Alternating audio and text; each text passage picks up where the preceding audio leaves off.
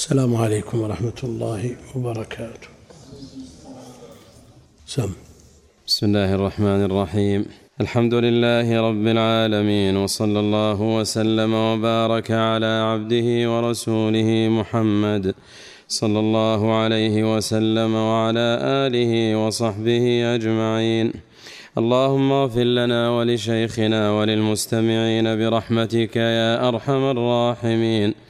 قال الإمام المجدد رحمه الله تعالى باب قول الله تعالى يعرفون نعمة الله ثم ينكرونها. الآية قال مجاهد ما معناه؟ هو قول الرجل هذا مالي ورثته عن آبائي. وقال عون بن عبد الله يقولون لولا فلان لم يكن كذا. وقال ابن قتيبة يقولون هذا بشفاعة آلهتنا.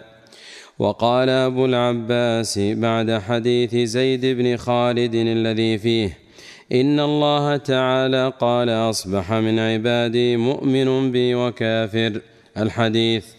وقد تقدم وهذا كثير في الكتاب والسنة يذم سبحانه من من يضيف إنعامه إلى غيره ويشرك به.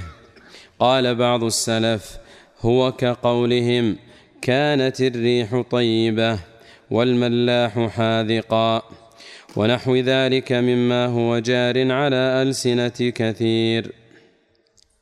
فيه مسائل. الأولى تفسير معرفة النعمة وإنكارها. الثانية معرفة أن هذا جار على ألسنة كثير. الثالثة تسمية هذا الكلام إنكارا للنعمة. الرابعة اجتماع الضدين في القلب. الحمد لله رب العالمين صلى الله وسلم وبارك على عبده ورسوله نبينا محمد وعلى آله وأصحابه أجمعين. أما بعد فيقول المؤلف رحمه الله تعالى باب قول الله تعالى يعرفون نعمة الله ثم ينكرونها يعرفون نعمة الله ثم ينكرونها الآية نعم الله جل وعلا لا تعد كما قال جل وعلا وإن تعدوا نعمة الله لا تحصوها ونعمة مفرد مضاف فيعم.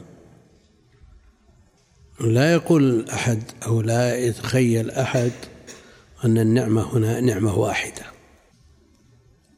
لأنه مفرد مضاف فيعم جميع النعم. ولذا قال وإن تعدوا نعمة الله. ما قال وإن تعدوا نعم الله. لا تحصوها. النعمة الواحدة تحصى ولا ما تحصى؟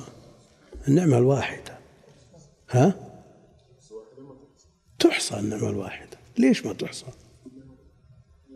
نعمة البصر. ما تحصى.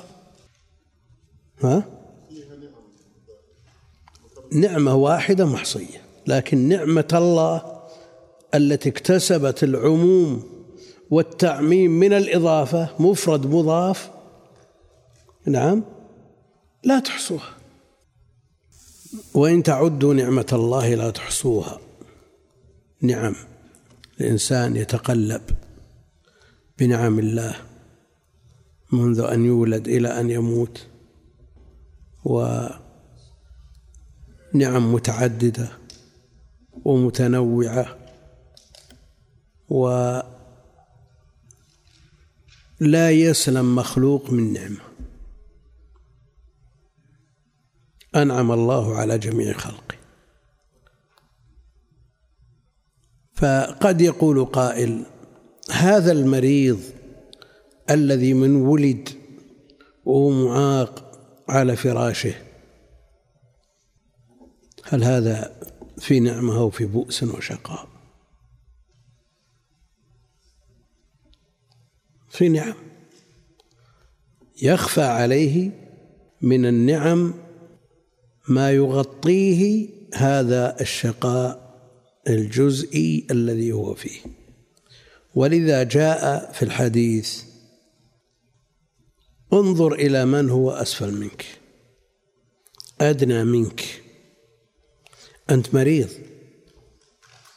أنت فقير لكن يوجد من هو أشد منك مرضا وأشد فقرا.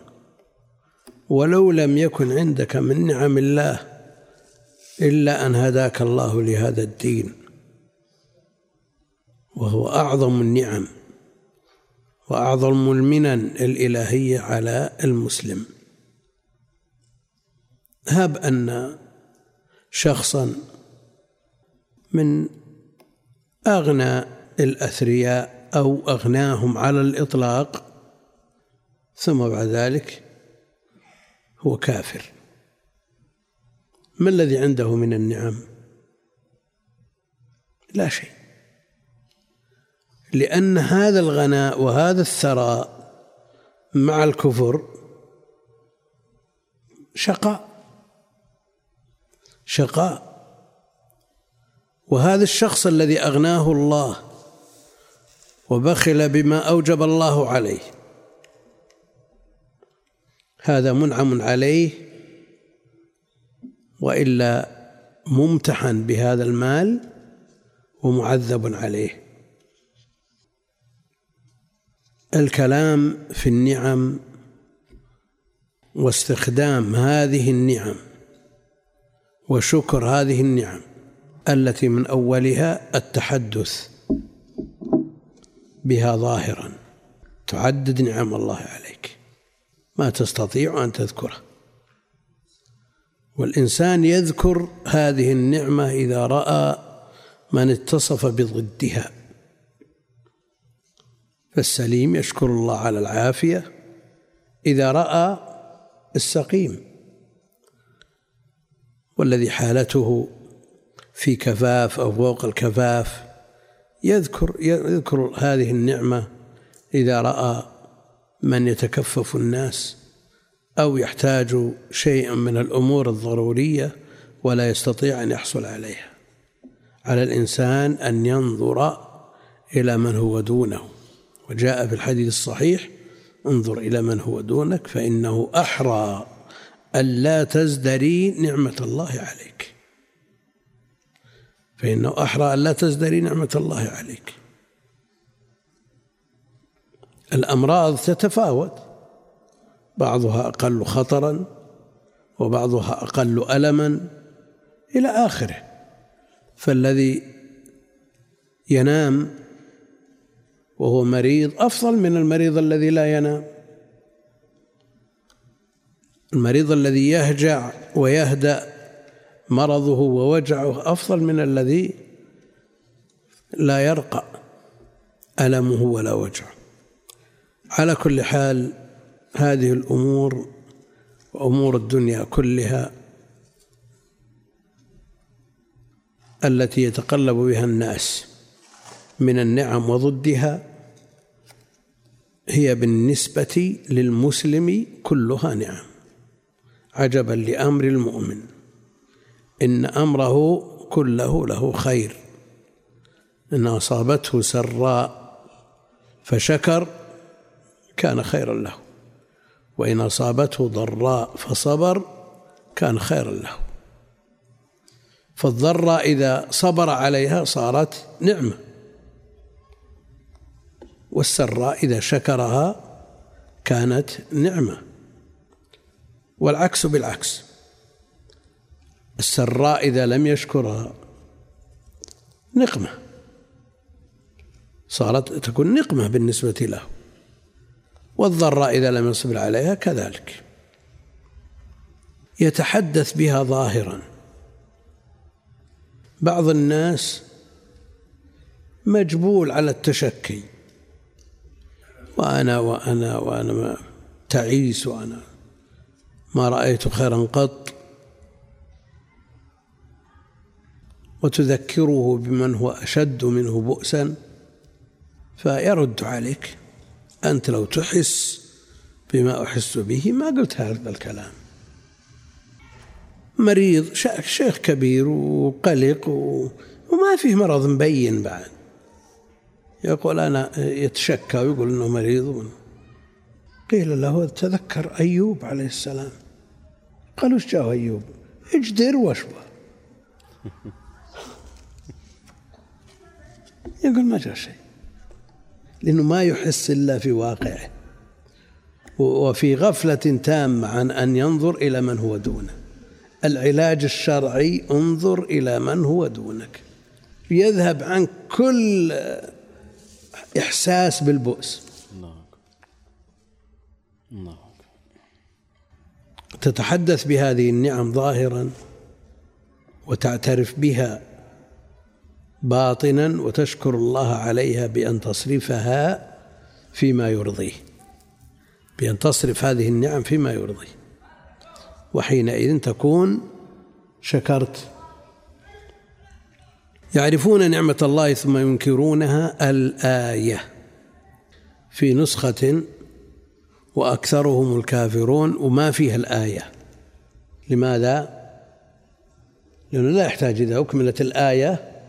ما يحتاج أن يقال الآية لأن معنى الآية وهي في محل نصب الآية يعني أكمل الآية أو الحديث يعني أكمل الحديث.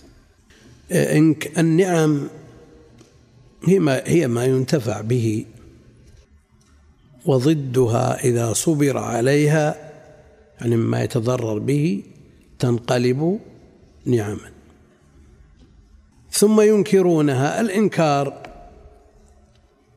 يندر أن يوجد إنسان يقول ينسب النعم إلى غير الله بالتحديد. إذا قيل له من الذي خلقك؟ ماذا سيقول؟ الله. ما الذي رزقك؟ الرازق هو الله. كثير من المسلمين يعترف بهذا بل كل المسلمين يعترفون لكن الإنكار في أوقات الغفلة وفي المضايق. إذا مرض و شرأبت نفسه إلى العلاج وذهب به إلى المصحات نسب الشفاء أو خفة الألم إلى السبب وهو الطبيب أو العلاج. لولا فلان لمت مثلا يقول. أو لولا العلاج الفلاني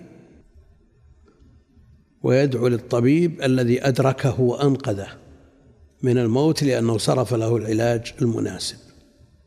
هذا من كفر النعم ومن إنكار النعم. بعد أن عرف أن الله هو المحيي المميت الرازق ينسب هذه الأمور إلى سببها. شخص تصدق عليه بمال. ينسب هذا الرزق الذي جاءه إلى المتصدق.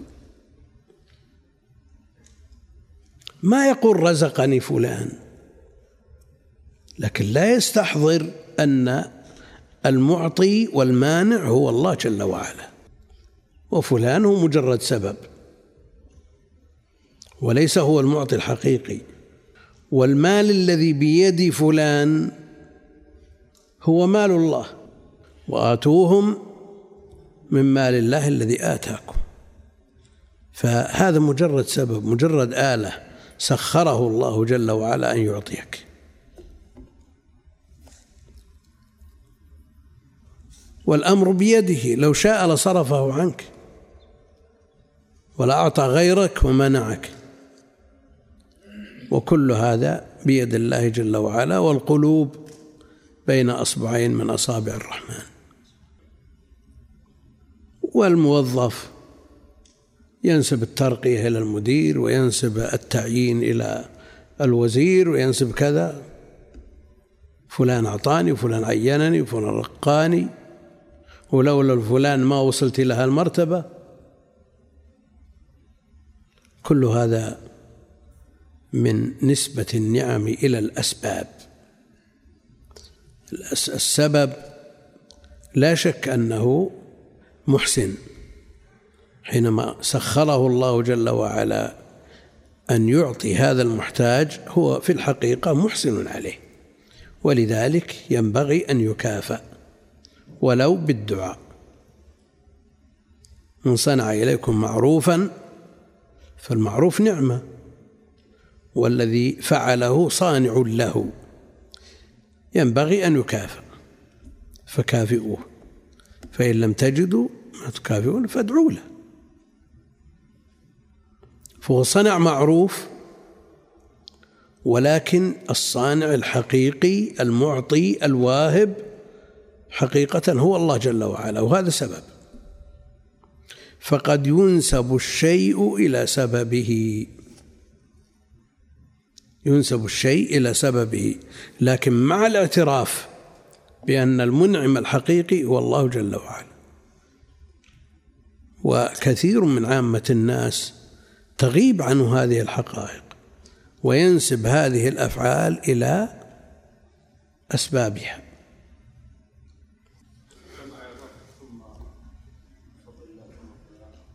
هذا هذا ما فيه أدنى إشكال. وسيأتي العطف بالواو. وثم ثم يأتي في يأتي في الباب الذي يليه. قال مجاهد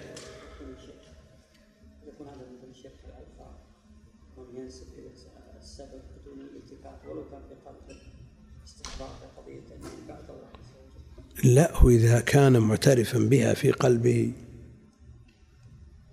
عدا ما نص عليه. من لولا فلان ولولا كذا أو لولا الله لولا الله وفلان هذا شرك كما سيأتي. لكن لو تقول أعطاني فلان حقيقة ولا مجاز؟ حقيقة. لكن مع اعترافك في قرارة نفسك أن المعطي الحقيقي والمانع هو الله جل وعلا. قال مجاهد هو الإمام المفسر مجاهد بن جبر الذي عرض التفسير على ابن عباس من أوله إلى آخره ما معناه؟ في بعض النسخ معناه قال مجاهد معناه إذا قال مجاهد معناه تكون من قول مجاهد ومعنى السياق معنى هذه الآية هو قول الرجل. فيكون التفسير بالمثال. وإذا قال قال مجاهد ما معناه المؤلف أو من فوقه ممن نقل عنه لم يضبط لفظ مجاهد وجاء بمعنى قول مجاهد. فإذا قال قال مجاهد معناه معنى الكلام المتقدم كذا. كما في بعض النسخ. نعم.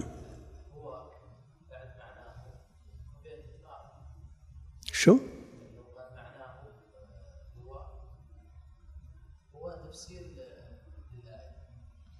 إذا قال ما معناه قال مجاهد ما معناه وهو قول الرجل.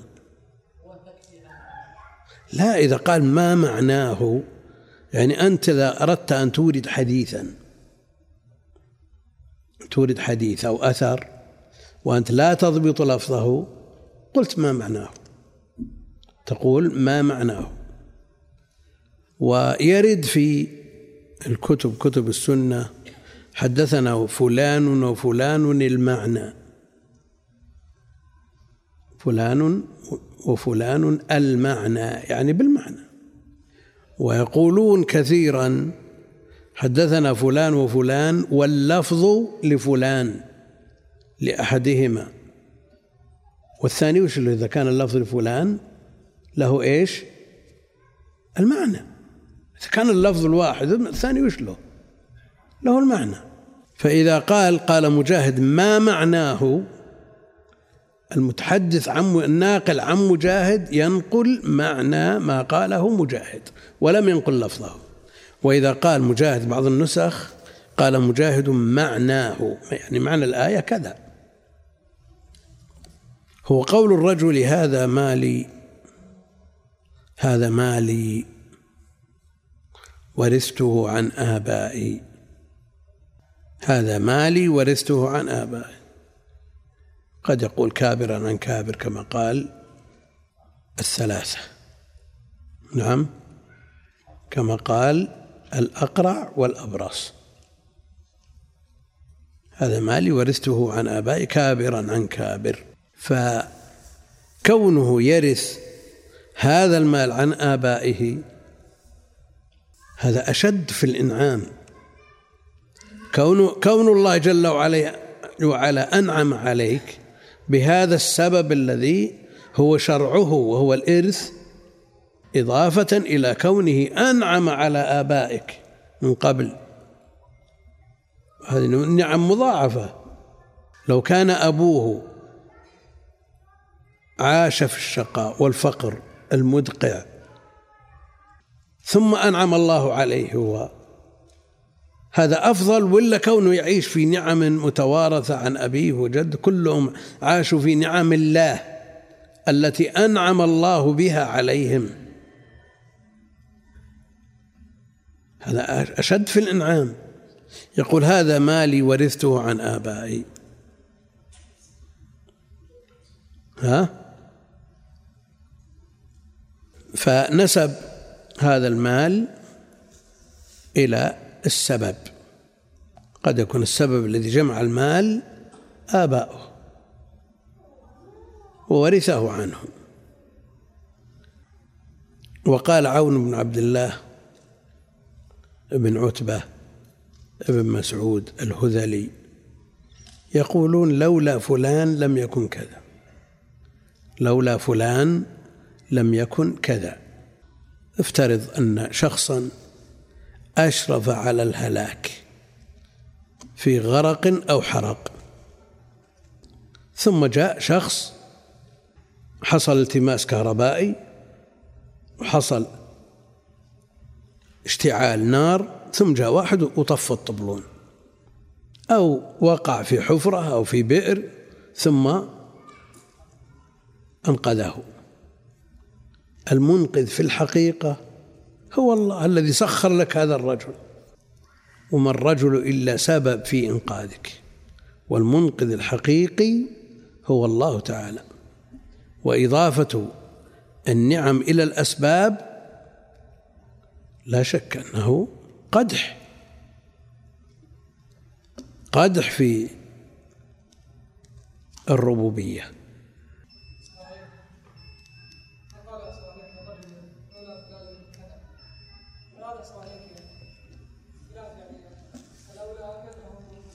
لا على حسب ما يقر في قول قلبه. لو يرى أنه هذا لأن, لأن الأسباب يختلف فيها الطوائف. فمنهم من يجعل الأسباب مؤثرة بذاتها. الأسباب مؤثرة بذاتها كالمعتزلة. ومنهم من لا يرى لها أثر بالكلية كأنها غير موجودة. ما في فرق عنده لبست فروة ولا اغتسلت بماء بارد في الشتاء وخرجت إلى وصعدت السطح. ما في فرق. أسباب ولا أثر لها. فالأول قدح في الشرع والثاني قدح في العقل.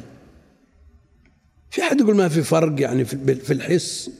ما في فرق تجلس عند النار ولا تجلس في نهر ولا بحر ولا شيء. وهم يقولون ما في فرق. الثانية أشعرية تدري أنهم يقولون يجوز أن يرى أعمى الصين بقة الأندلس. الصين وين والأندلس فين؟ هذا أقصى المشرق وذاك أقصى المغرب. لأن البصر سبب والإبصار يقع عنده لا به عندهم. يقع عنده يعني عند وجوده يقع الإبصار ولا لا يقع به؟ فوجوده مثل عدمه.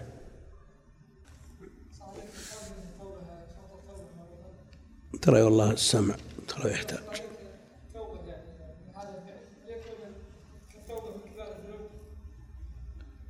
لا ما يتعلق بالاعتقاد أعظم.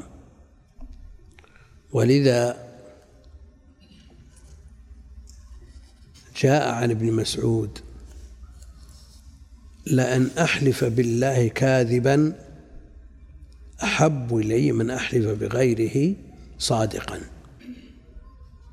لأن أحلف بالله كاذبا أحب إلي من أحلف بغيره صادقا. الحلف بغير الله كاذبا. قد يكون من يا من الغموس. نعم. والثاني الحذف بغيره صادقا. شرك. شرك. فالشرك وإن كان أصغر أعظم من كبائر الذنوب. ولذلك يدخل في عموم إن الله لا يغفر أن يشرك به. يكون أصغر ولو كان هذا المحلوف به أعظم؟ شو؟ يكون الشرك أصغر ولو كان المحلوف به أعظم يعظمه الحالف؟ هو إذا كان يرى أنه حلف به لأنه في في تعظيمه مساو لله جل وعلا هذا أكبر بلا شك. وهو في الأصل ما حلف به إلا لأنه يعظمه.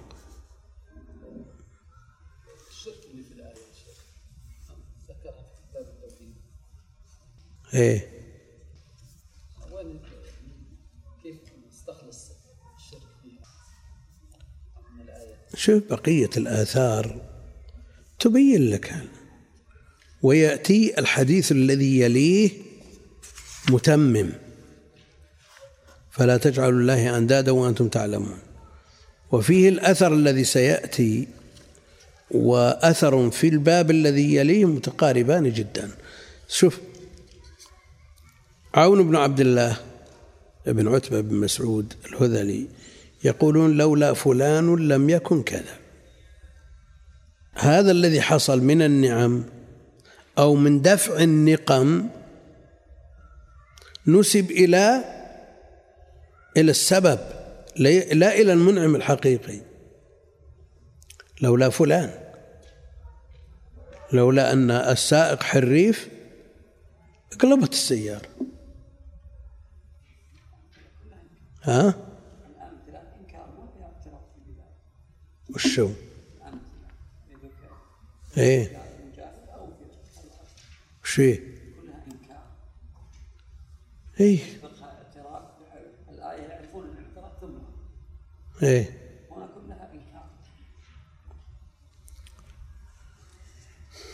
قد يكون اعترف به سابقا وفي حال مشادة ومشاحنة وكذا قال هذا الكلام. الأخطاء العقدية أخطاء الاعتقاد من كبائر الذنوب على حسب على حسب الخطأ على حسب الخطأ. بعضها من الشرك الأكبر وبعضها من الشرك الأصغر وعلى كل حال الشرك الأصغر أعظم من من الذنوب كلها حتى الكبائر. نسبة النعم إلى الأسباب. يعتبر كفر بالنعم لكن هل هو شرك أصغر؟ على حسب ما يقر في قلبه لأن الإنسان قد ينسب وجاءت النسبة إلى السبب حقيقة وليست بمجاز ولا تقدح. لأنه معترف في حقيقة أمره أن المنعم هو الله. لكن هذا أشال المال من من من خزينته وأعطاك. ولكن لا بد أن تستحضر أن المعطي والمانع هو الله جل وعلا. وهذا سبب.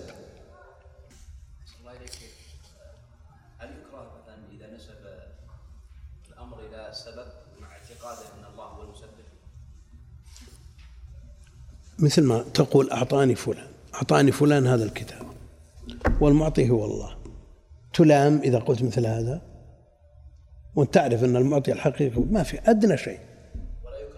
ولا يكره. تقول أعطاني هذا الكتاب. بعض الناس يبالغ فينسب إلى الله ما لا تجوز نسبته إليه من باب الاحتياط.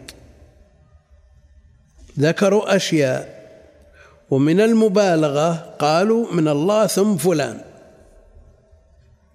وهو شيء لا يجوز. محرم مثلا. من الله ثم فلان.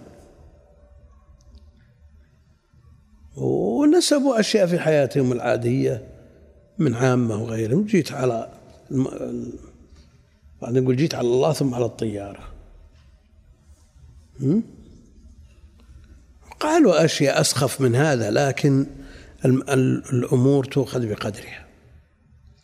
يجب تنزيه الله جل وعلا عما لا يليق به.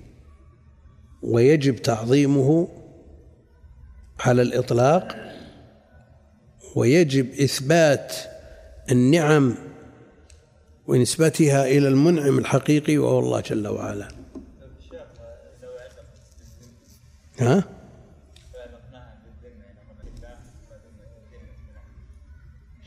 أما في ذمة الله فقد وردت. يعني في مسألة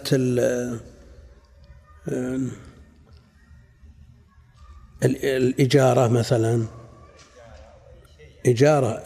يعني أجرنا من أجرت يا أم هانئ. أنا في ذمة الله ثم في ذمة فلان لئلا من أجل أن يحميه. كذا والرئاسة كذلك أن نقول اذهبوا فأنتم في ذمة الله ثم ذمة فلان ريس ولا إي لا من أجل الإجارة. أجاره فلان.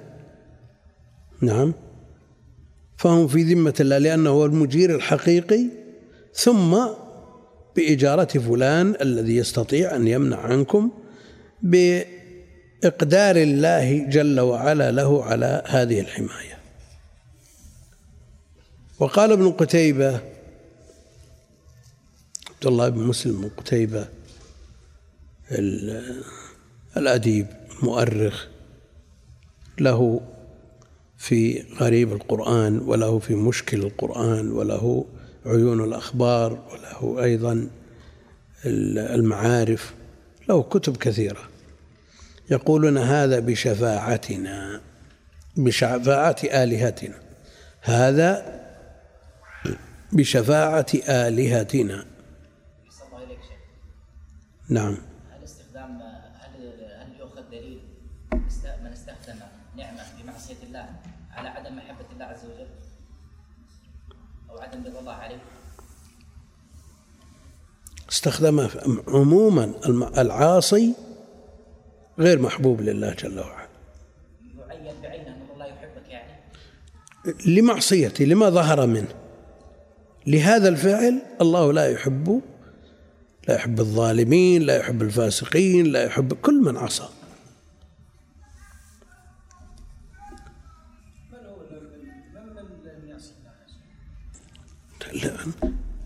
العاصي التائب. محبوب بلا شك لأنه تاب هو لا يحبه لهذا السبب. فإذا زال السبب رجعت المحبة. وقال ابن قتيبة يقولون هذا بشفاعة آلهتنا وهذا أسوأ ما ذكر في الباب. شفاعة آلهتهم أو شيوخهم. وقد ينسبون بعض المصايب إلى آلهتهم. يقولون أنت أغضبت الآلهة أو الولي فحصل لك كذا.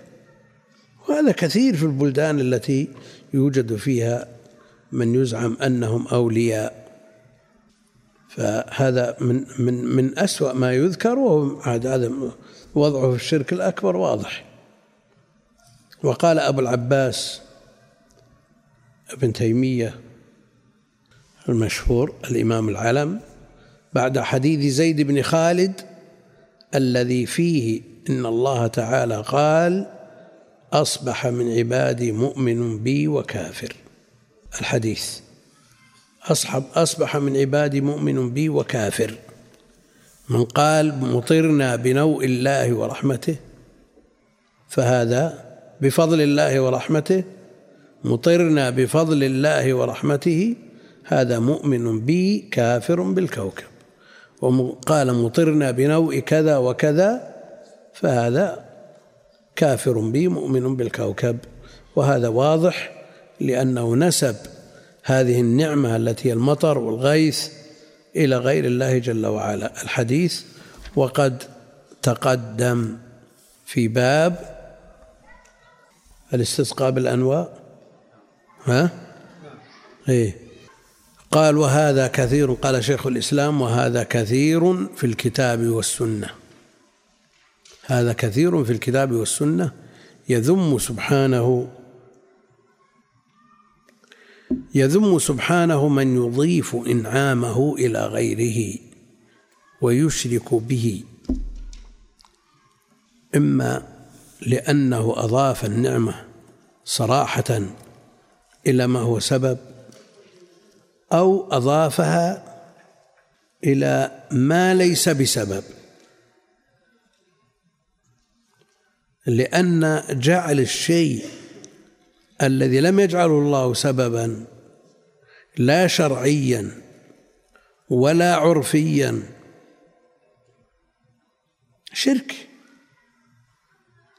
لو تقول أجعل هذه الورقة أتقي بها شر الأشرار أو عيون أو عين عيون الحساد أو ما أشبه ذلك وهي ليست بسبب شرعي ولا عادي عرفي هذا شرك. لأنك نسبت الحماية نسبت الحماية إلى ما ليس بحام حقيقة ولا بسبب للحماية. أسباب العادية ما يثبت بالتجربة مثلا أن هذا ينفع بإذن الله. يأتي نعم.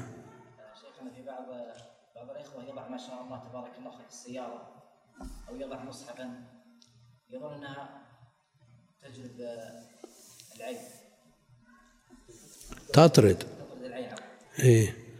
لا أقول ما هو أوضح من ذلك. بعضهم يشغل الراديو أو مسجل في البيت ليل نهار ليطرد اللصوص مثلا أو يطرد الجن. ما سيأتي في الباب الذي يليه قريب من هذا إن شاء الله تعالى. كتب كثيرة مملوكة لأهل العلم ولهم عليها تعليقات تدل على تمكنهم من العلوم ومع ذلك يكتبون أشياء على هذه الكتب هي من الشرك. هي من الشرك. يأتينا كتب من مشايخ كبار من مصر أو الشام أو تركيا أو المغرب. لفظة يكتبونها لا أنا لا لا أعرف معناها كأنها أعجمية. يا كيكبج احفظ الورق. تجي كثير كثير جدا في الكتب. إيش معنى احفظ الورق؟ هو يحفظ الورق.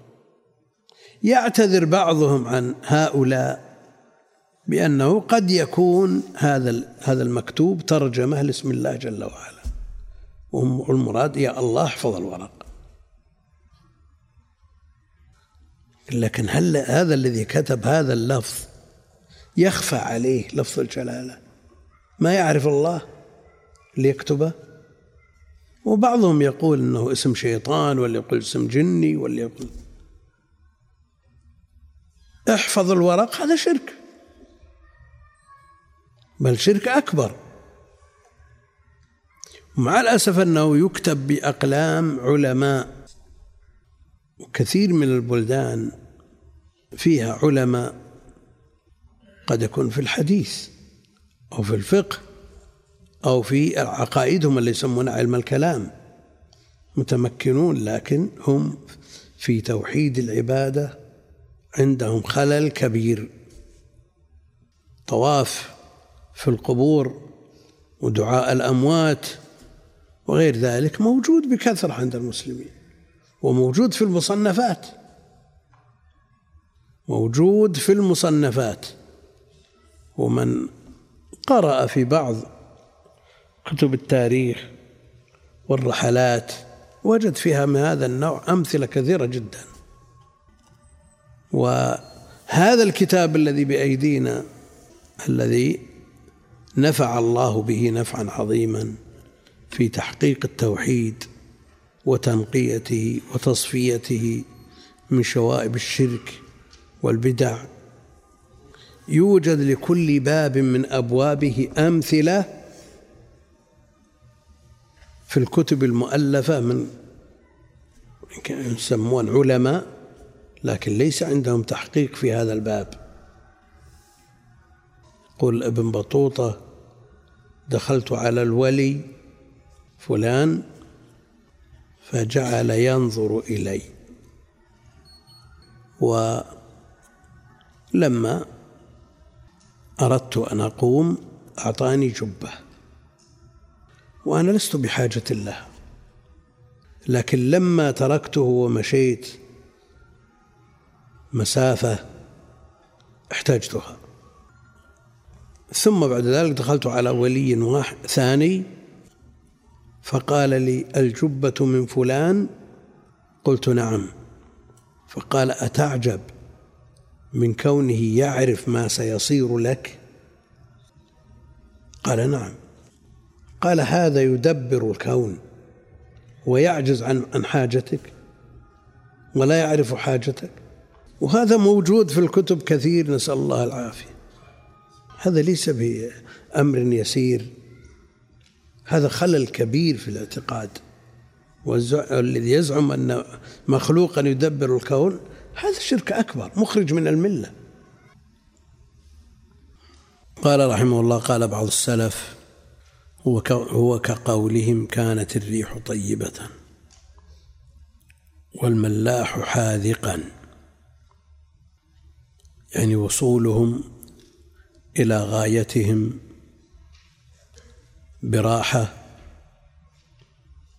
نسبوه إلى الريح. كانت الريح طيبة والملاح حاذقا. هؤلاء أسباب لهدوء الريح. ما ماجت السفينة ولا غرقت وكون الملاح حاذقا لأنه قد يكون الملاح مع هدوء الريح لديه شيء من الخفة والعجلة. وأنتم ترون مثل هذا في الطائرات. قد تكون فيها رياح وقد يكون فيها سكون وهدوء ويختلف الوضع من هذا إلى هذا. هذه أسباب لا شك أنها أسباب والمسبب هو الله جل وعلا. ولهذه الأسباب آثار. ما ينكرها إلا من لا يرى للأسباب أي أثر. ومن ينسب إليها وأنها هي المؤثرة في هذا الهدوء أو في هذه النجاة هذا من الطرف المقابل. وأهل السنة وسط بين الطائفتين يعرفون أن للأسباب أثرا والمسبب هو الله جل وعلا. ولو شاء لسلب هذا السبب أثره. ولذا يدخل المريض ويشخصه الطبيب تشخيصا صحيحا ويعطيه علاجا مناسبا ويشفى بإذن الله. ثم يأتي شخص آخر. على نفس الطبيب وبنفس المرض أو أقل ثم يخطئ في التشخيص الطبيب ويعطيه علاج غير مناسب أو يصيب الطبيب ويعطيه العلاج المناسب ثم بعد ذلك لا ينتفع به. فالأمور كلها بيد الله جل وعلا ونحن نرى تعلق الناس بالأطباء سواء كان بالنسبة لهم أو لأبنائهم. إذا بات الولد أو البنت غالب الليل يبكي وما ترك لك فرصة تنام وأنت تحسر ويتقطع قلبك عليه ثم ذهبت به إلى المستشفى وأعطاه الطبيب شربة شربة من شراب أو إبرة وسكن. ما يكون قلبك تجاه هذا الطبيب. ينبغي أن يكون معلقا بالله جل وعلا. الشافي هو الله. لا لا إشكال في أن الطبيب سبب في كون هذا الابن هجد وسكت لكن مع ذلك الشافي هو الله جل وعلا.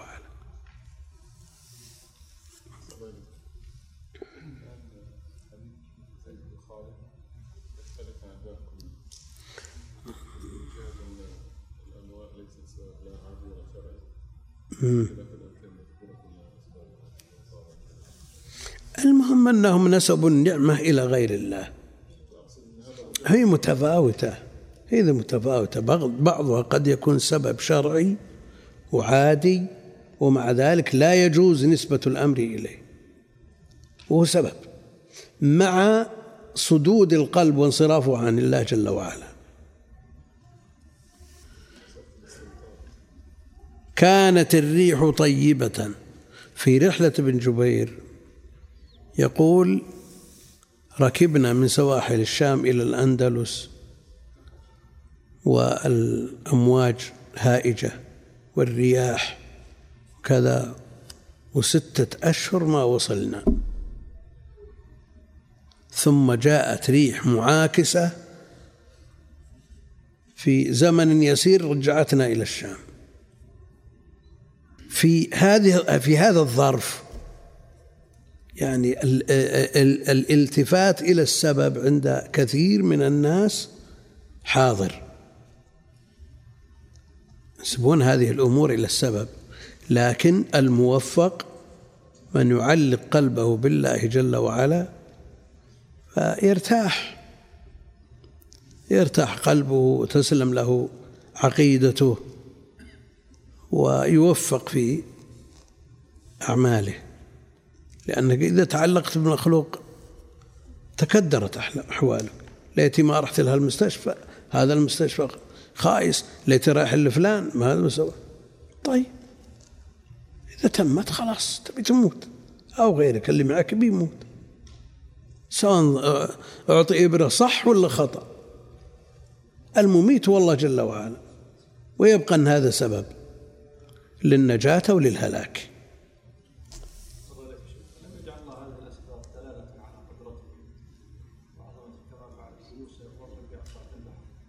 لا بس بعضها أظهر من بعض.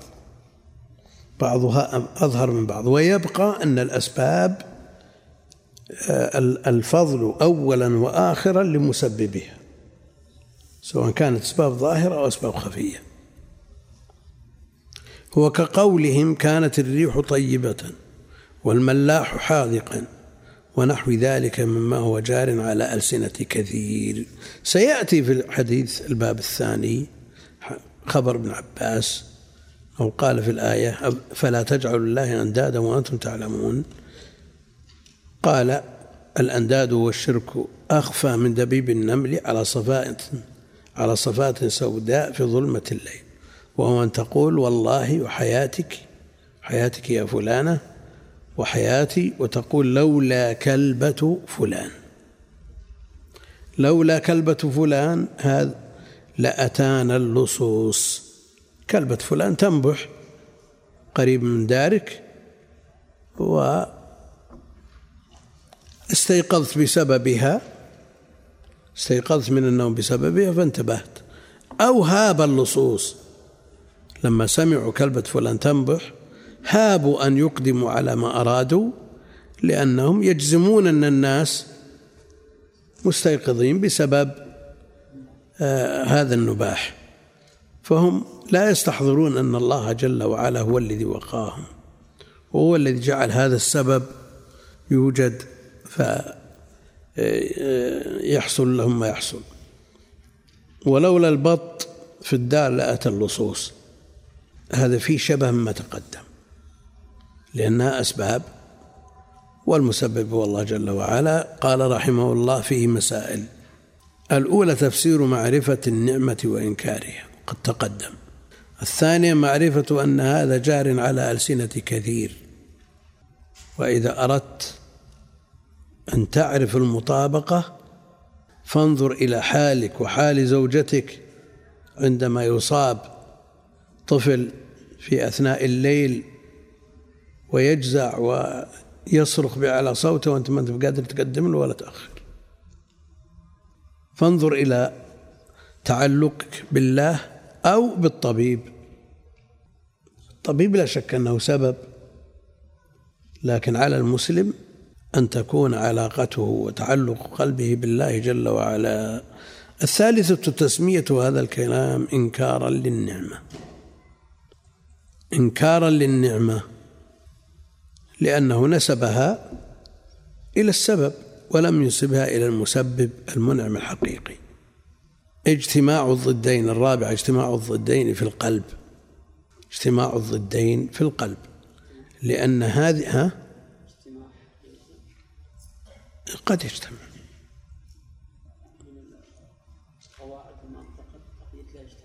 إيه لكن هناك أمور من المضايق قد يجتمع فيها الضدين الضدان مثل من مات ولده وضحك. هل يستطيع أحد أن يقول ما حزن؟ ما حزن؟ أنت لا تفترض المسألة في ولد مؤذي وصاحب مدمن يهدد أمه وأخواته والبيت يتمنون موته. لا تصار المسألة في هذه هذه المسألة عند المتقدمين أولادهم مثلهم في الغالب في عهد السلف. يوجد أولاد يختلفون عن آبائهم لكن كثير في المطابقة. على كل حال هذا الذي أصيب بفقد ولده ثم ضحك. وهذا من المضايق لأنه تصور أنه لا يمكن أن تدمع عينه ويحزن قلبه ويرضى تمام الرضا بالمقدور.